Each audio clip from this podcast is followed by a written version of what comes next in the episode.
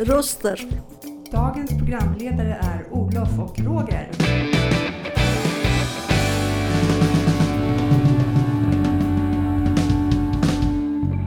Dina röster i vardagen. Hej och välkomna än en gång till Fontänbubbel som som vanligt sänds från Lunds fontänhus. Idag är det den, eh, det är den 10 november va? Ja, det är den 10 november då. Ja, ja, jag hade skrivit fel. Idag är det den 10 november 2022 och vädret är väl... Grått.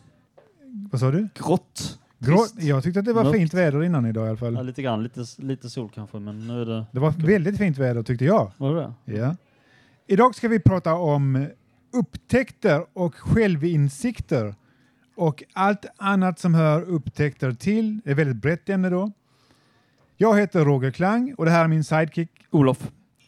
Hur mår du idag då Olof? Ja, trött kan jag sammanfatta. Ja, Jag vaknade sent och, eh, men är ändå trött. Trots kaffe och allting. Det är biologiskt en viss tid på året. Så. ja du är ju ung ju så. eh, Nej, alltså, jag mår väl bra också. Eh, vad har du upptäckt om dig själv Olof? Och då menar jag upptäckter som kommit efter att du blev vuxen.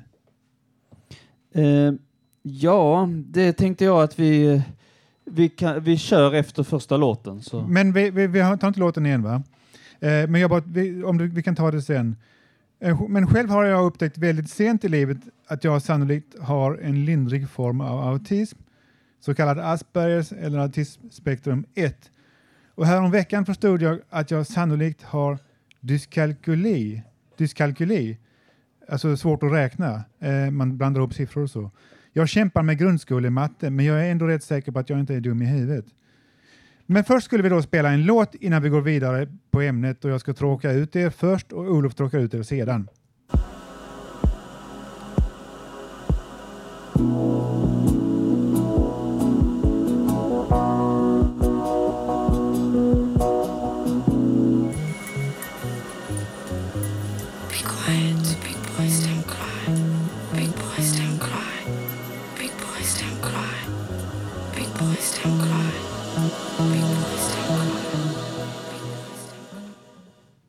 Du lyssnar på Fontänbubbel och det här vi precis hörde var I'm Not In Love med 10cc. Okej Olof, hur kan man ha gått igenom grundskolan och ändå inte lärt sig mycket matte över tredje klass och ändå fått godkänt i matte upp till och inkluderat gymnasiet? Jag blandar ihop siffror när jag ska räkna och även räkneuppgifter. Det är nog därför som jag har känt mig klok ibland och dum ibland sedan jag var barn. Mm. Aldrig får man känna sig riktigt klok. Jag är inte riktigt klok. Jag har haft en bra mattelärare och det kanske är det som är fel, jag vet inte, men jag har svårt för matte. Den numera avlidne Pelle Höllfors från Simrishamn. En av herrarna och kanske damerna som var med om att räkna ut hur Öresundsbron skulle bli hållfast och bärkraftig. Mhm. Detta var på, när jag gick på komvux i slutet av 1990-talet. Pelle Höllfors sa det själv att han var bäst i matte på hela Österlen. Han var bara ödmjuk. Egentligen var han en av de främsta inom sitt gebit i åtminstone Svea rike land. Ingen anledning att hävda att han var mer än så, för då ger man sig ut på djupt vatten. Men jag håller på att traggla mig igenom grundskolematte där hemma nu och det var därför som jag kunde dra slutsatsen att jag förmodligen har dyskalkyli. Men du då Olof, berätta om dina upptäckter om dig själv eller andra. Um, ja, hela mitt liv har, kan man väl säga har varit lite av en upptäcktsfärd. Uh, och eh, jag kan ju söka, det här du pratade om skolan och så eh, är det, är det, mm, tänkte jag att, att jag har haft svårt för vissa grejer under vissa tider av livet. Sen har du ändå hittat din nisch inom andra saker. Jag, jag hade ju själv eh, problem med, med det här med lite ojämn begåvning. Det här till exempel att jag, jag var bra på matte i vissa perioder beroende på vad man skulle räkna ut men sen var jag, blev jag så dålig på det för Vilken, när- när det vilken, andra vilken typer matte var det som du var bra på? Nej men det var den när man hade, när man var lite, då var det i början var det ju mest att man skulle rä räkna och fylla i siffror i en bok och, och kunde man komma med egna och så kunde man komma med egna tankar på vid sidan om och lära sig eh, på egen hand lära sig om tiopotenser och, och lite grann sånt när matten låg på den. Men sen när det, handlade, när det ble, blev mer och handlade om att man skulle ta väldigt mycket tid till att klura ut uppgifter och så i böcker så Okej. tyckte jag det blev lite mer besvärligt. Så, och då hamnade jag efter i matte. kan man säga. Men eh, ja, jag hade väl många sådana ämnen där jag inte, där jag inte klarade och inte brydde mig om att försöka förstå det ens. Eh, på eh, till exempel inom NO och lite sånt. Eh, natur, det som vi kallar så na- naturkunskap. Okej, men det jag förstår ungefär. Men sen klarade jag ändå fick VG när jag ändå läste upp det på komvux. ja. trots, trots, avsaknad, trots avsaknad av grundskol, grundskol, grundskoleutbildning på området. Var det svar på din fråga eller? Ja, det var svar på min fråga. Mer än svar. Ja. Men eh, ja, jag tänker det, det finns mycket att tänka här, alltså hela eh, det här med vad man upptäcker från sig, hos sig själv så kan man säga att hela mitt liv har ju varit lite av en upptäcktsfärd. Alltså jag hade specialintressen från tidig ålder och jag hade kunde ha och just den här eh, att man kunde vara så intresserad av vissa saker och eh, och, och sen att man har eh, fantasi och, som, som kunde vägleda en och skapa, skapa nyfikenhet och skapa känsla av att upptäcka nya saker, nya områden och det kunde vara allt ifrån landskap eh, baserade på bilder som triggade igång fantasin men också landskap nya som man hade ville, ställen man ville besöka och, och källare, att det kunde vara spännande att gå, gå Det känner jag källare. igen också. Det har jag gjort också mycket. Ja. Jo, att utforska det. Jag berättade min mormor för mig när jag var 13 år också att eh, hon, hon kom, ihåg mig när jag gick igenom deras källare och eh, ville, verkligen ville upptäcka nya saker och så. Det var så inom alla deras eh, och, eh, men då den sto de stora sakerna då, det var ju sånt som eh, film och musik. När man, när man, inte, man var inte så kräsen i början och dessutom så var det väldigt bra eh, film som kom då på 80-talet, 80-90-talet när jag växte Vilken upp. typ av film menar du då? Nej men alltså det fanns bra både Actionfilmer eller, eller Gandhi eller något sånt där? Eller vad, vilket vad menar du? Nej, men alltså det var... eh, del, dels, eh, humor, dels eh, humorserier och komedier, alltså, eh, och, eh, och så var det ju te- tecknad film som jag växte upp med. Du menar tv-program alltså? Ja, och tv-program och massa sånt som, hade väldigt, som jag upplevde och hade, höll, höll väldigt hög klass. En del var ju en del är säkert kopplat till nostalgi, att en del kanske inte var så bra som man minns det just då, men eh, det var, när saker är nytt så var det, blev det ju mer spännande på något sätt. Så du upptäckte film och eh, tv? Ja. Och källare Ja, och, och, och, eh, musik. och musik? Ja, Um, ja um, ett problem ett problem är ju så småningom att man alltid blir eh, lite avtrubbad, att saker är inte så spännande upptäcker man sen. Alltså att det, det, eller det blir svårare att hitta ny eh, spänning, eh, nya nya områden, att det blir, det blir mindre speciellt när man upptäcker saker när man är äldre än när, när man upptäcker när man är yngre. Det låter som om det här kommer ifrån eh, en personlig eh, vy på livet, alltså hur, hur Ja. du har upptäckt eh, din omvärld och så. Ja, jo det är lite så. Ehm, och eh, men det, det tänker jag att eh, vi återkommer, vi har massa mer att, eh, att säga om det som jag tänkte ge exempel på, på, på när, när det gäller typ av nya upptäckter i livet och, och som också hör samman med andra typer av det som vi traditionellt förknippar med upptäcker genom vår mänsklighet. Men jag tänker vi, vi tar det vidare efter, efter vi har kört nästa låt. Det gör vi.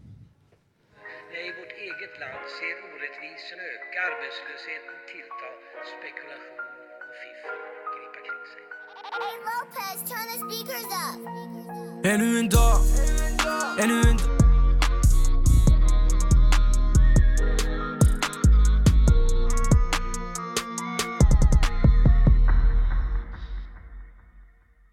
Det här var ännu en dag av en artist som heter Knut som har en viss anknytning till Lunds fontänhus på ett eller annat sätt. Vilket kanske framkommer för vi kommer att spela hela låten så utan att eh, Stim kan lägga sig i. De kan bara ta sig och dra någonstans. Så, eh, men du Olof, eh, varför, varför är det så att man, eh, att, vi vill, att man vill gå ner i källare och kolla? Vad är det man vill kolla? Varför går man Nej, ner? jag, jag tror det handlar om helt enkelt om det att det, det är eh, nya...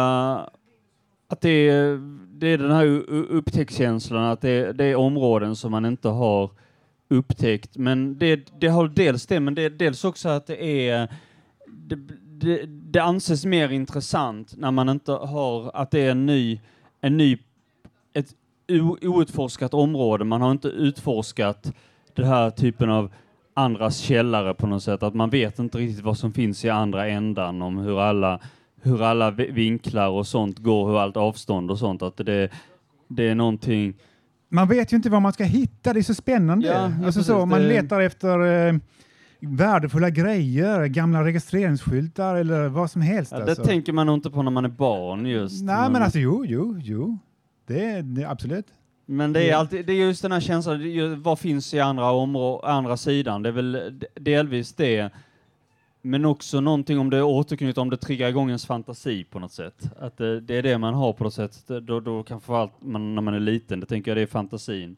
Men, eh, Tror du att det kan vara så att eh, man letar efter i sitt eget undermedvetna efter någonting eller så här att man vill så att säga, klara upp någonting eller att man vill hitta någonting? ja, eller? det är någon, någon anknytning, någon sån här miljöanknytning till någonting man tänker på eller fantiserar. eh.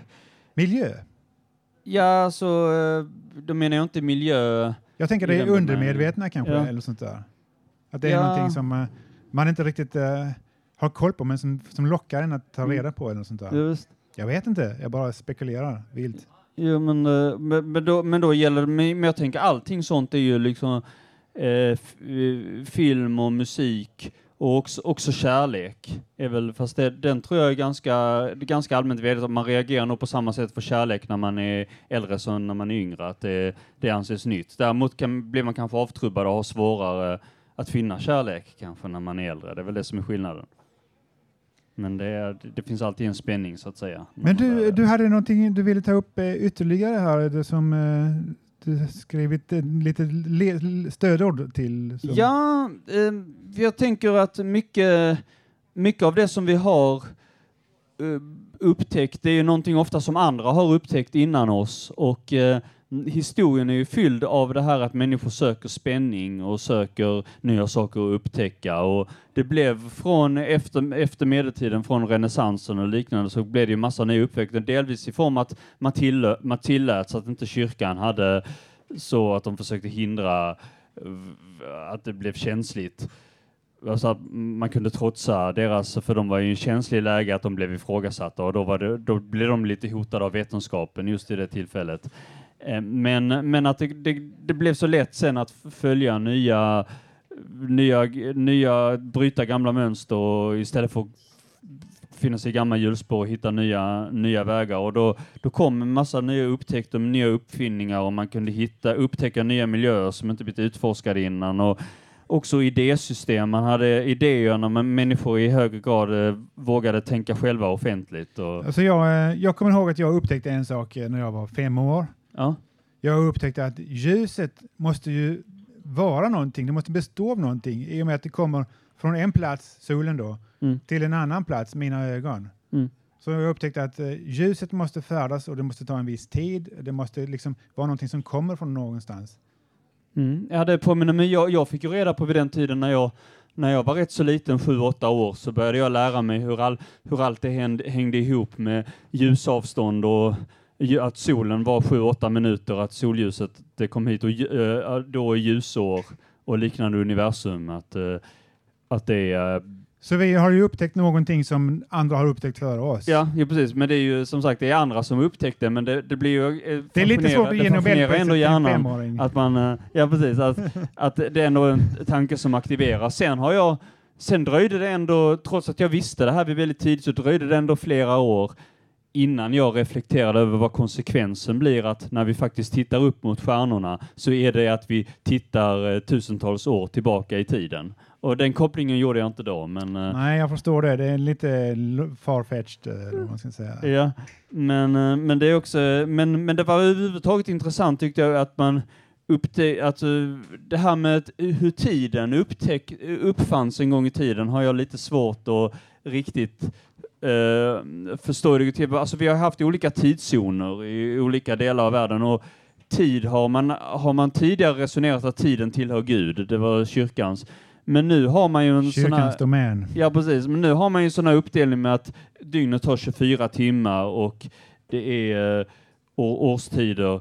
Och, och jag eh, själv för egen del så vill jag pröva att uppleva tiden nästan hur, hur det var i alla fall, hur alla 24 timmar timmarna var att vara vaken, just den, den känslan. Det är jag- väl rätt svårt. Det har jag aldrig varit vaken i 20 timmar. Nej, inte jag heller. Men inte i 24 timmar, men jag vill prova hur det var att stanna uppe efter, efter midnatt. För Ja, det hade det jag här, när jag, när jag var åtta år, att jag Samma låg och här. tittade i taket klockan. Och, mm, när jag ligger, ligger här och ser om det är någonting som händer, om jag kommer uppleva det annorlunda då när jag stiger upp efter midnatt. Man somnade alltid Ja, före klockan. Klock, ja, man stannade ofta, somnade ofta före klockan tio, men här var det ju att hmm, nu provar jag att ligga här och titta i taket. Hur känns det? Hur kommer det kännas för mig när jag går in i den här fasen nu klockan blir ett? Och så Hmm, ja, jo, men det var väl intressant. Nu har jag suttit och tittat nu klockan ett. Det är dags att sova nu, kanske. Oj, går inte att sova. Nu har jag missat sömntåget. Eh, helt hopplöst att sova. Somnade desto bättre natten efter. Det blev inte så bra den natten. Så Lyckades få några timmar sen. Men det var i alla fall, nu hade man upptäckt en ny sak om sig. Men nu lägger vi på en låt så återkommer vi. Heard it from a friend who heard it from a friend who from another. You've been messing around. Not for a minute. You're under the guns. Are you taking on the run? Taking on the run. Du lyssnar på Fontänbubbel och det här hörde vi, vi hörde vad det, var klassikern uh, Take It On The Run med Rio Speedwagon. Och då har vi en gäst här som vi bjudit upp. Välkommen. Vill du presentera dig? Yes, jag är Mattias och ska prata lite om definitionen av upptäckt i förhållande till upptäcktsresor. Japp. Och sen en egen liten upptäckt efter det. Nu kör vi. Allt genom historien, mänskligheten har delat en medfödd egenskap. Önskan om att utforska, vilket leder till upptäckter. Att resa för upptäckandets skull och äventyr verkar vara en mänsklig identitet. Till exempel att navigera ute till havs och upptäcka nytt land. En personlig favorit när det gäller detta tema är hur alla erkänner Kristoffer Columbus med att vara den första europé till att upptäcka Nordamerika. Men i själva verket en viking vid namn Leif Eriksson var det som satte sin fot på ett skepp till den nya världen. The Age of Discovery började på 1400-talet, en epok där upptäcktsresor förändrade européernas syn av världen som varade till tidigt 1700-tal. Allt för att pusha på gränserna till drivet att utforska det okända. Matt Wallers från NASA sa följande i form av ett citat. Vi vill gå till platser vi aldrig varit på och finna svar till frågorna vi inte har svar till. När det gäller egen upptäckt har jag länge velat förgrena vetenskap och spiritualitet i harmoni med varandra. Jag har drivits av upptäckten av att kombinera vetenskap och spiritualitet till en enhet. Stöttepelare till varandra i efterforskning av livet och universum. Människor har stigrat upp på natthimlen i millennium full av sprakande stjärnor. Förtrollade av kosmos kan vittna om att vi är del av något stort. Ett lugn kan omfamna själen. Som medräknades tidigt hos människan i form av häftiga mytologiska historier som de såg på himlen och som gav spirituell guidning och komfort helt enkelt. Till exempel i form av stjärnkonstellationer. Redan i antika Grekland filosofer som Anaximander, Aristoteles och Ptolemy utvecklade sofistikerade teorier om kosmos baserade på empiriska observationer. De tittade upp mot himlen, såg hur stjärnorna förflyttade sig upp i skyn och utvecklade rationella förklaringar för vad de observerade. Antika grekiska filosofer utmanar grundläggande av myter att istället använda logik och förnuft för att lösa mysteriet universum. Medan vissa trodde på guden Astios, guden av stjärnor och planeter i konsten av astrologi, fadern av stjärnorna. Men för att återknyta till det vetenskapliga, modern vetenskap visar att du själv är Stardust. Den mesta materian vi är gjorda av kommer från döende stjärnor eller exploderade stjärnor. Stjärnorna dog så du kunde vara idag här helt enkelt. The, spirit, of the spiritual science of the stars är något som är uppväckt för mig själv. Själen och natthimlen som adderar ett vetenskapligt perspektiv. En perfekt kombination skulle jag säga.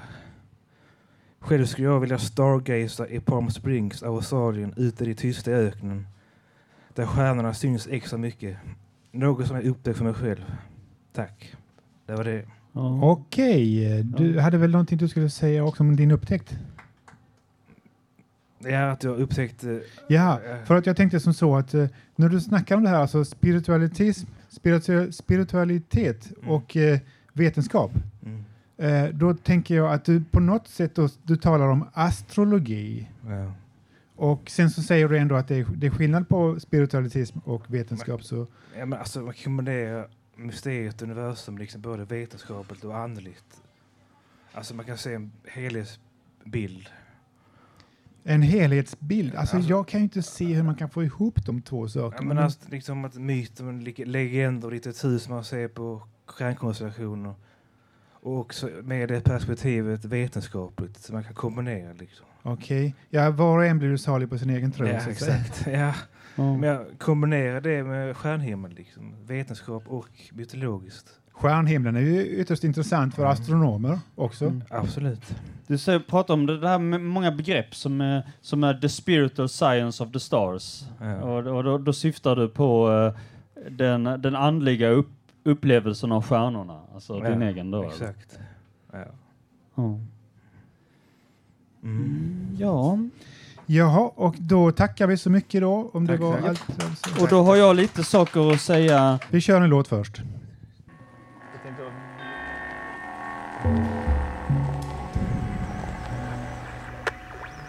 What's he building in there?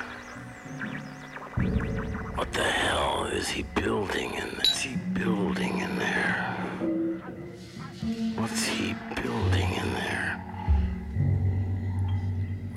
right to know.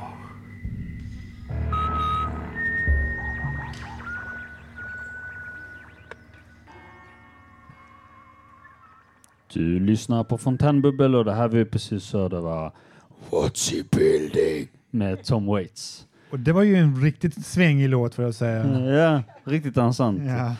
Ehm, ja, eh, och eh, när det gäller just det här jag tänkte upptä- när man upptäcker saker med tiden, det är upptä- upptäckten av idéer och eh, eh, politik och filosofi och alla de sakerna som är att leta reda på hur man, hur man ska förhålla sig till den verkligheten man, finns, man, man befinner sig i. Hur, eh, vilken, eh, vilken historia vill man följa, så att säga? Vems historia vill man följa och var, eh, var, eh, var, ska man, var får man sina egna idéer ifrån? Och då, då kanske jag skulle säga det att du har ju läst filosofi, eller har du Ja. läser filosofi? Jag har läst filosofi från Ja, ja. Så du vet ju, nu, nu pratar du alltså om eh, filosofiska... eh, Ja, överhuvudtaget. Jag pratar om alla om idéer också, för politik är ju också format av eh, filosofier, hur man, hur man uppfattar världen och var, eh, var man ska leta. Ideologier och så som har Ja, uppkommit genom historien som marxismen till exempel. Den fanns ju inte innan eh, Mark, Karl Marx. Ja, nej, precis. Det är liksom just, just den här, alla de här ideologierna då, från, de bygger på ett tankesystem, en viss, en viss bild av verkligheten. Och, och då har man ju lite grann att utgå ifrån sig själv också, hur eh, stämmer mina överens, stämmer mina, mina upplevelser, mina erfarenheter av mänskligheten och mig själv in på, in på, det- in på, in på det här tankemönstret eller det här. Det, det är sånt, sånt som det är, framförallt i unga år, att man ofta an, använder tid och tid att resonera sig till. Men eh, eh, har du något mer att säga om, om det? För vi har, behöver bjuda in publiken här också. Ja, vi har en gäst här som eh, tänker sig att komma upp och eh, om du vill presentera dig eller så får du gärna göra det. Hej hej! Anonym. Vad heter du? Hej. Ja, jag heter Martin. Uh, upptäckter. Ja, så jag kan ju prata om mig själv. då. Så jag, eh, alltså när jag var yngre tänkte jag mycket eh, praktiskt hur saker och ting fungerade. Eh, så att eh, när jag satt och läste böcker och, och räknade så blev det genast att vissa uträkningar började man associera med vissa saker. Vilket gjorde att det, mm, det blev lite jobbigt. Vad Men- upptäckte du då? då när du, eh, Ja, jag visste nog inte riktigt hur saker och ting fungerade i praktiken. Men jag, jag hade Ah, sett du upptäckte hur det saker. fungerade alltså? Jag hade sett andra göra saker på nära Jaha, håll. Ja, ja, ja. Och jag, jag känner jag skulle nog kunna klara av det, men... eh, Var du inte sån som eh, försökte utforska saker, utforska världen och upptäcka världen? För jag var sån. Jo, det ville jag. Ja, ja. Eh, men, men sen vi bara göra vissa saker väldigt mycket mer intensivt och uppleva saker och det gjorde att jag blev mycket mer, eh, jag blev mycket lugnare. Jag kunde sitta i tre veckor i sträck och göra beräkningar. Och så. Oj. Det var eh, ambitiöst. Var, hur gammal var du då? Ja, det var 22, 23. Ja, då var du vuxen i alla fall. Eh, Ja, alltså jag var ungefär så stor som jag är nu. Ja. Jo men eh, det, det är intressant för jag, jag, jag känner igen mig själv om det här. Jag, jag har ju själv sutt, suttit och gjort sådana här egna uträkningar även om jag aldrig varit en framgång in, inom matte. Det enda jag har är matte A från komvux. Men eh, jag har ju själv eh, haft väldigt så här att mm, hur, räk, hur räknar jag ut det här? Några olika sådana här problem. Hmm, om jag, hur, hur mycket skulle det här kosta om man gjorde så här och så här olika så här olika modeller så som, och sånt är väldigt bra att kunna eh, om, man, om, man, om man ska räkna på vad man själv behöver och vad andra behöver. Att, eh, att, att, att man lä- lä- lägger att så, sådana saker som kan vara intressant att räkna ut och då hade jag ofta liksom 20-25 års åldern att jag satt och räknade på sånt. Och jag gör det idag, fast på lite mer grundskolemattenivå. Ja. Ja, en del av det som jag har, eh, har suttit och räknat på egentligen sånt som vissa säger att det, det, behöver, det är matematik på mellanstadienivå egentligen, men eh, det har jag lite svårt att förstå egentligen, för mycket, mycket ämnen är ju liksom lite lite så här, visst det kanske är på mellanstadienivå, men, eh, men då är det i så fall ganska ganska nischat inom den eh, kategorin. Men lärarens personlighet spelar också in, hur man upplever hela situationen Absolut. och ämnet och vad det ska användas till. tycker jag. håller jag med om. Ja. Och hur duktig den läraren är på att undervisa. Att lära ut. Ja, det är inte bara kunskapen i sig utan det är även hur man presenterar. Ja, ja, och precis. hur man Sen ska man ju, man måste ju plugga själv. Man kan ju inte lära sig bara genom att lyssna på någon lärare. Man måste ju studera i boken riktigt noga. Ja. Ja. Okej, men eh, då skulle vi kanske ta och spela en låt. Vi spelar en låt, ja. Och så bjuder vi upp nästa gäst. I have spoken to you from this office, where so many decisions have been made that shape the history of this nation. I have always tried Came back, but ain't escape agent orange. Two of my kids born handicapped, spastic quadriplegia, microcephalic, cerebral palsy, cortical blindness. Name it, they had it. My son died, he ain't lived, but I still try to think positive. Du lyssnar på Fontänbubbel och det vi precis hörde var Uncommon Valor med Jedi Mind Tricks. Och vi har... Vi har en gäst här som eh, heter... Ja, hej. Hej, du heter Malou. Malou. Okej, hej Malou. Vad har du att säga om, eh, om uppfinningar och upp, upptäckter? Och... Nå, jag kommer att tänka på hur tidigt det här börjar egentligen. Och tänkte lite på det här med barn och leksaker. För jag tror att det här är en rätt viktig del av det här med att upptäcka tidigt att barn som får leksaker som plockar sönder sina leksaker, att det är rätt viktigt att de får göra det och sedan kanske får försöka sätta ihop dem. Du, och så ser- tänkte jag lite på den grejen också att det nog är rätt stor skillnad mellan hur man ser på pojkar och flickor. På pojkar och flickor när det gäller det. För jag tror att om en, att det är mer okej, eller anses mer okej, att killar plockar sönder sina leksaker och experimenterar med dem. Och, och Jag ska säga det om jag får lov att säga en ja. sak. Att när jag var liten, sådär, jag var väl fem, sex år, eh, då fick vi ett Märklintåg och en järnvägsbana av vår farmor och farfar. Ja, som du plockade sönder. Som eller? vi plockade sönder och förstörde, som hade varit värt många tusenlappar idag Jaha. om den hade varit hel och funnits överhuvudtaget. Den slängde vi. Ja. Så det var inte den lille teknikern, den duktiga lille teknikern när du plockade sönder det då, utan det... Ja, jag, du kan inte säga att jag kunde sätta ihop den igen. Ja, men, Nej. nej, du, men du fick inga... eh, Inte Alltså, vi bara plockade sönder den för att sitta hur den såg ut inuti. Ja, ja. Vi fick ingen kritik för det. Vi gjorde vad vi ville. Vi hade fått den ju. Pappa sa ingenting. Nej. Mamma sa ingenting. Nej. Men att jag tror att det är rätt viktigt. Det är en del upptäcka världen. Att plocka sönder saker. Jo visst, och det, är- det är ju inte förbehållet pojkar utan det kan, ju, det kan ju även flickor göra. Men det, ofta kanske det är just pojkar som Jag plockar tror att sönder. det är skillnad. Att killar Men- men- uppmuntras på ett annat sätt. Men kanske tjejerna är bättre på att tekniskt sätta och ihop det. och Men är det här någonting du har egen erfarenhet av eller är det som du spekulerar? Ja, det är väl vaga minnen av när jag var barn, men det är ju länge sedan jag var barn. Saker har kanske förändrats en hel del sedan dess. Men Jag jag kommer ihåg när jag Varför jag plockade frågar. sönder mina dockor, färgade om dem och gjorde om håret på dem och Jaha. så vidare. Jag, att det var inte alls populärt. Nej, varför inte det? Vem var det inte populärt hos? Mina föräldrar tyckte inte det var roligt. De hade, det var inte, nej, det var inte populärt. Förs- då förstörde jag ju.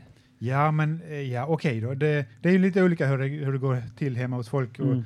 Mina föräldrar var väl, var väl rätt så bra på den del, just den delen att eh, vi fick leka med leksakerna och så det kvittar om vi hade sönder dem. Det brydde de sig inte om. Och jag kan för egen del säga att jag har aldrig tyckt om att ha sönder någonting som jag själv har som jag själv har byggt upp. Det, det har varit en sak om jag ritat en teckning och rivit sönder den när jag var arg för att stilla min ilska när jag var åtta år någon gång. Men, men och ibland när man tycker att ah, det, här, det här är för mycket kladd, det här måste jag vrida, riva sönder. Men jag har aldrig tyckt om att eh, förstöra någonting som jag själv har gjort. Men du kanske inte haft tanken att förstöra. Det kanske man inte har som liten flicka. Man plockar sönder sina dockor heller kanske. Utan du är nyfiken och se hur det hänger ihop. Jo, jo, men absolut. Hur sitter det ihop? Och Ja. då börjar du pilla och plocka isär Ja. delar och sånt. Ja. Och sen till slut så är det bara massa delar som inte liknar någonting.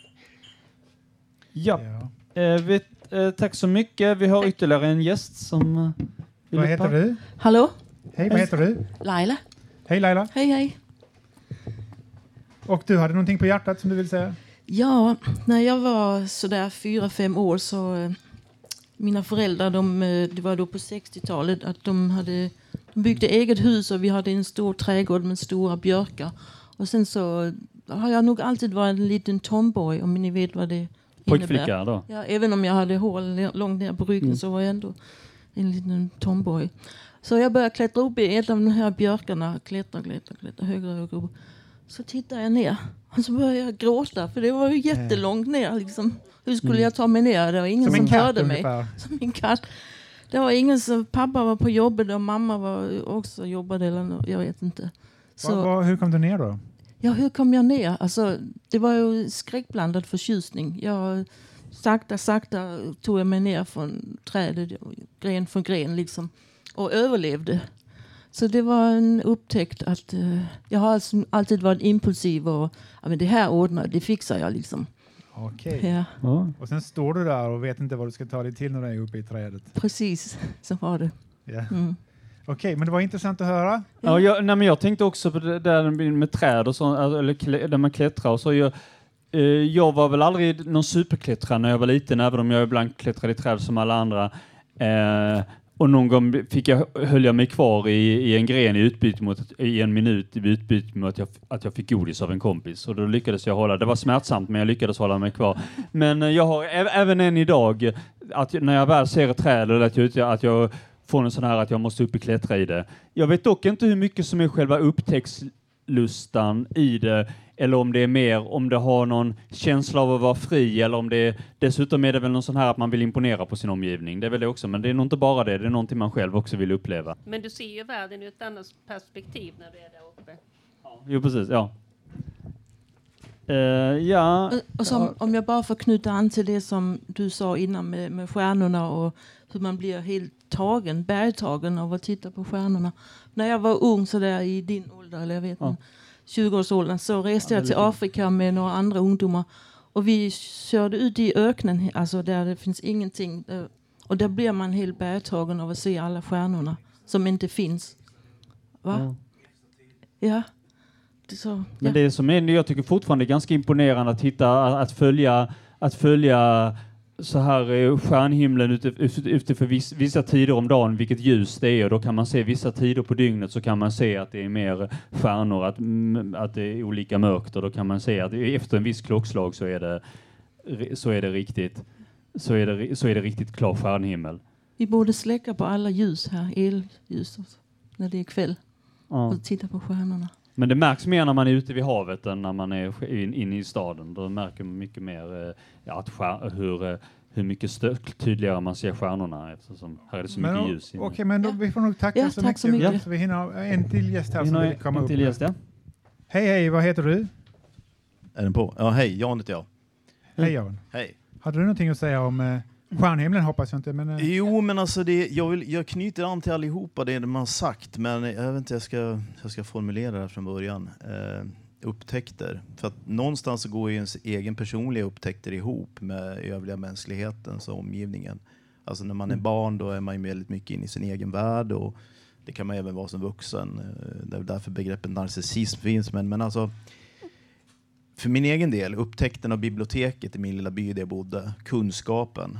Eh, sen nästa upptäckt är ju, är ju mysteriet och det stora mysteriet, det som man inte kan sätta ord på. Alltså språket är väldigt bristfälligt. Eh, och det är därför jag intresserat mig för religion och andlighet. För att till exempel mystikerna, oftast vid fenomen som stjärnhimlen så tystnar man. Eller så är språket blir för komplicerat i de här man ska säga, upplevelserna och erfarenheterna. Så att vad tar vi till då? Vi tar till symboler istället. Uh, ta bara sånt som, som är liksom ett, ett akademiskt paper, när de pratar med varandra. Deras oförmåga att kunna få ner en, en, en teori. Alltså det, det ska mycket till innan det ska till en, en, en teori som beskriver allting fullständigt. Och sen ytterligare då har du de här ofullständigheterna att vara icke tvärvetenskaplig. Reduktionismen som sker idag. Jag menar, vi pratar om vetenskap precis som att vi vet allt. Och det är därför som jag är väldigt fascinerad av, det fanns en, en, en, en skrift som florerade på 1300-talet som heter Icke vetandets moln. Där man just i, i ödmjukhet, ödmjukhet och respekt för att du vet inte allt. Det är helt omöjligt att göra det. Du, det finns så mycket som är ett, ett mysterium och där ligger språket. Språket är ofullständigt, även det matematiska språket. Och de flesta, de flesta eh, delteorier, det är ju just delteorier. Alltså Mm, det, mm. det är ju inte övergripande teorier om universums eh, konstitution. Och så. De flesta är ju, tar ju en bit och sen så sätter de ihop kanske om man har Mm. tur, någon som kan sätta ihop de här bitarna Mm. till ett helhet. Mm. Som Einstein kanske gjorde Mm. då. Och där kommer ju det här, och Einstein sa ju också den här biten, vetenskapen svarar ju på frågan hur, men allt kan inte svara på frågan varför. Det är humanioras uppgift och det är där i mystiken ligger. Vetenskapen kommer aldrig att kunna svara på frågan varför. Där i ligger mysteriet. Och det är där jag liksom känner det med, med, med det Mattias säger, att jag försöker också förena vetenskap, andlighet och tro att, det, att, det, att jag har lyckats, eller att jag har, men jag, jag tycker att det är den mest intressanta aspekten av att leva som människa. Det är att försöka få de här att gå ihop på något sätt. Jag Men tycker det, inte det. Du tycker inte det? Nej, jag tycker inte det. Jag vill, vill att vetenskap ska vara vetenskap och allt ja. annat ska vara... eh, Det, det kan de, de tokarna syssla med. Men kan vetenskapen svara på frågan varför då? Varför är jag människa? Varför, Nej, nej. Eh, Varför är all, aldrig... Alltså, hur är ju vad vetenskapen svarar på. Ja. Och Och vem ska när- svara på varför då? Vem, vem är det som ska svara på varför-frågorna? Ja, det är väl en präst. Eh, Nej, alltså vi, vilken människa som helst menar jag. Det behöver inte vara en präst som gör det, men våra berättelser om varandra är väl en sak. Varför, varför, varför? Är, det en viktig fråga att få svar på? Jo, men det, det är väl inte den du ställer dig va- varenda dag? Eller? Nej. Nej. Det är det inte. Jag är mer i konkret och den, Ja. det, det ska lösas, det här problemet ska lösas och det ska lösas. Du, du, frågar, du frågar mer hur än varför? Ja. Jaha, ja. Nej, du, du vill ha något, säga någonting? eh, Ja, något mycket kort. Jag bara funderade på det här på, med upptäckter. Och så kommer jag tänka på typ häftiga upptäckter. Upptäckter gör vi ju hela tiden varje dag. Men någonting som jag tyckte var väldigt häftigt. Det var en gång när jag var i tonåren som en bekant eller en närstående tog med mig till havet för att visa mig mareld. Har ni sett det någon gång? Eh, nej. Det är, det är små mikroorganismer som gör att det blir ljussken i havet. Så rör man i vattnet så, så skimrar det. Utan det är som neon. Var, se, var kan man se det? I, i Sverige? Ja, det var i Sverige. Det, när man googlar på det så hittar man att det, det förekommer på västkusten men detta var på ostkusten. Så det, men det ska vara varmt i vattnet. Då kommer, kommer, och det ska ju vara mörkt ute annars ser man det inte. Det men jag bara tänkte säga att det var en häftig upptäckt. En, en av de grejer jag kommer att tänka på. Jag, själv har jag upptäckt mycket också genom att leka och busa. Jag var ute och lekte på skrotar, i grustag, på sågverk och överallt där man inte fick vara. Varför det var kul att upptäcka världen. Men, Ja. men, men på den tiden var det lite Ja, så. ofta är det ju det förbjudna som är roligast. Så är det ju. Ja, precis. Ja, tack. Okej, ja, tack själv. Men jag var inte riktigt klar. Jag, visst. jag blev ju avbruten där. Jag menar på det här att våra berättelser om varandra, alltså att vi skriver böcker, att vi gör tv-program och filmer, är ju ett sätt att berätta om varandra. Det är, det är inte bara man säger, religion och andlighet som kan göra det, utan det poetiska och, och det litterära kan ju på något sätt ge svar på frågan varför. Det menar jag, det är, för mig är det en stor upptäckt att säga det att det är inte, alltså den lilla berättelsen är också viktig. Men du är poetiskt lagd va? Jag är poetiskt lagd, så jag Nej, älskar det- poesi. Det förklarar ju saken. Ja. Det förklarar ju saken. Mm. Ja, Okej, men vi kanske Ja. skulle ta att eh, avsluta här och säga Ja, tacka för oss. Vi tackar för oss och vi, vi tackar publiken, eller, eller publiken och vi tackar de som har varit uppe här. Det var Mattias, Martin, Malou, Jan och Laila. Och har vi glömt någon? Nej. Nej, jag tror inte det. Och så är det, är det oss vi ska tacka. Vi ska tacka dig, mig och dig. Och eh, det, tack Roger så och jag, mycket. Tack så Olof. mycket. Tack själv. Och tackar vi Per och Tina som är te tek tekniker här och så tackar vi publiken som har varit... Det är väldigt Och så ses vi igen nästa samling. vecka. Ja. Tack, tack och hej. Tack.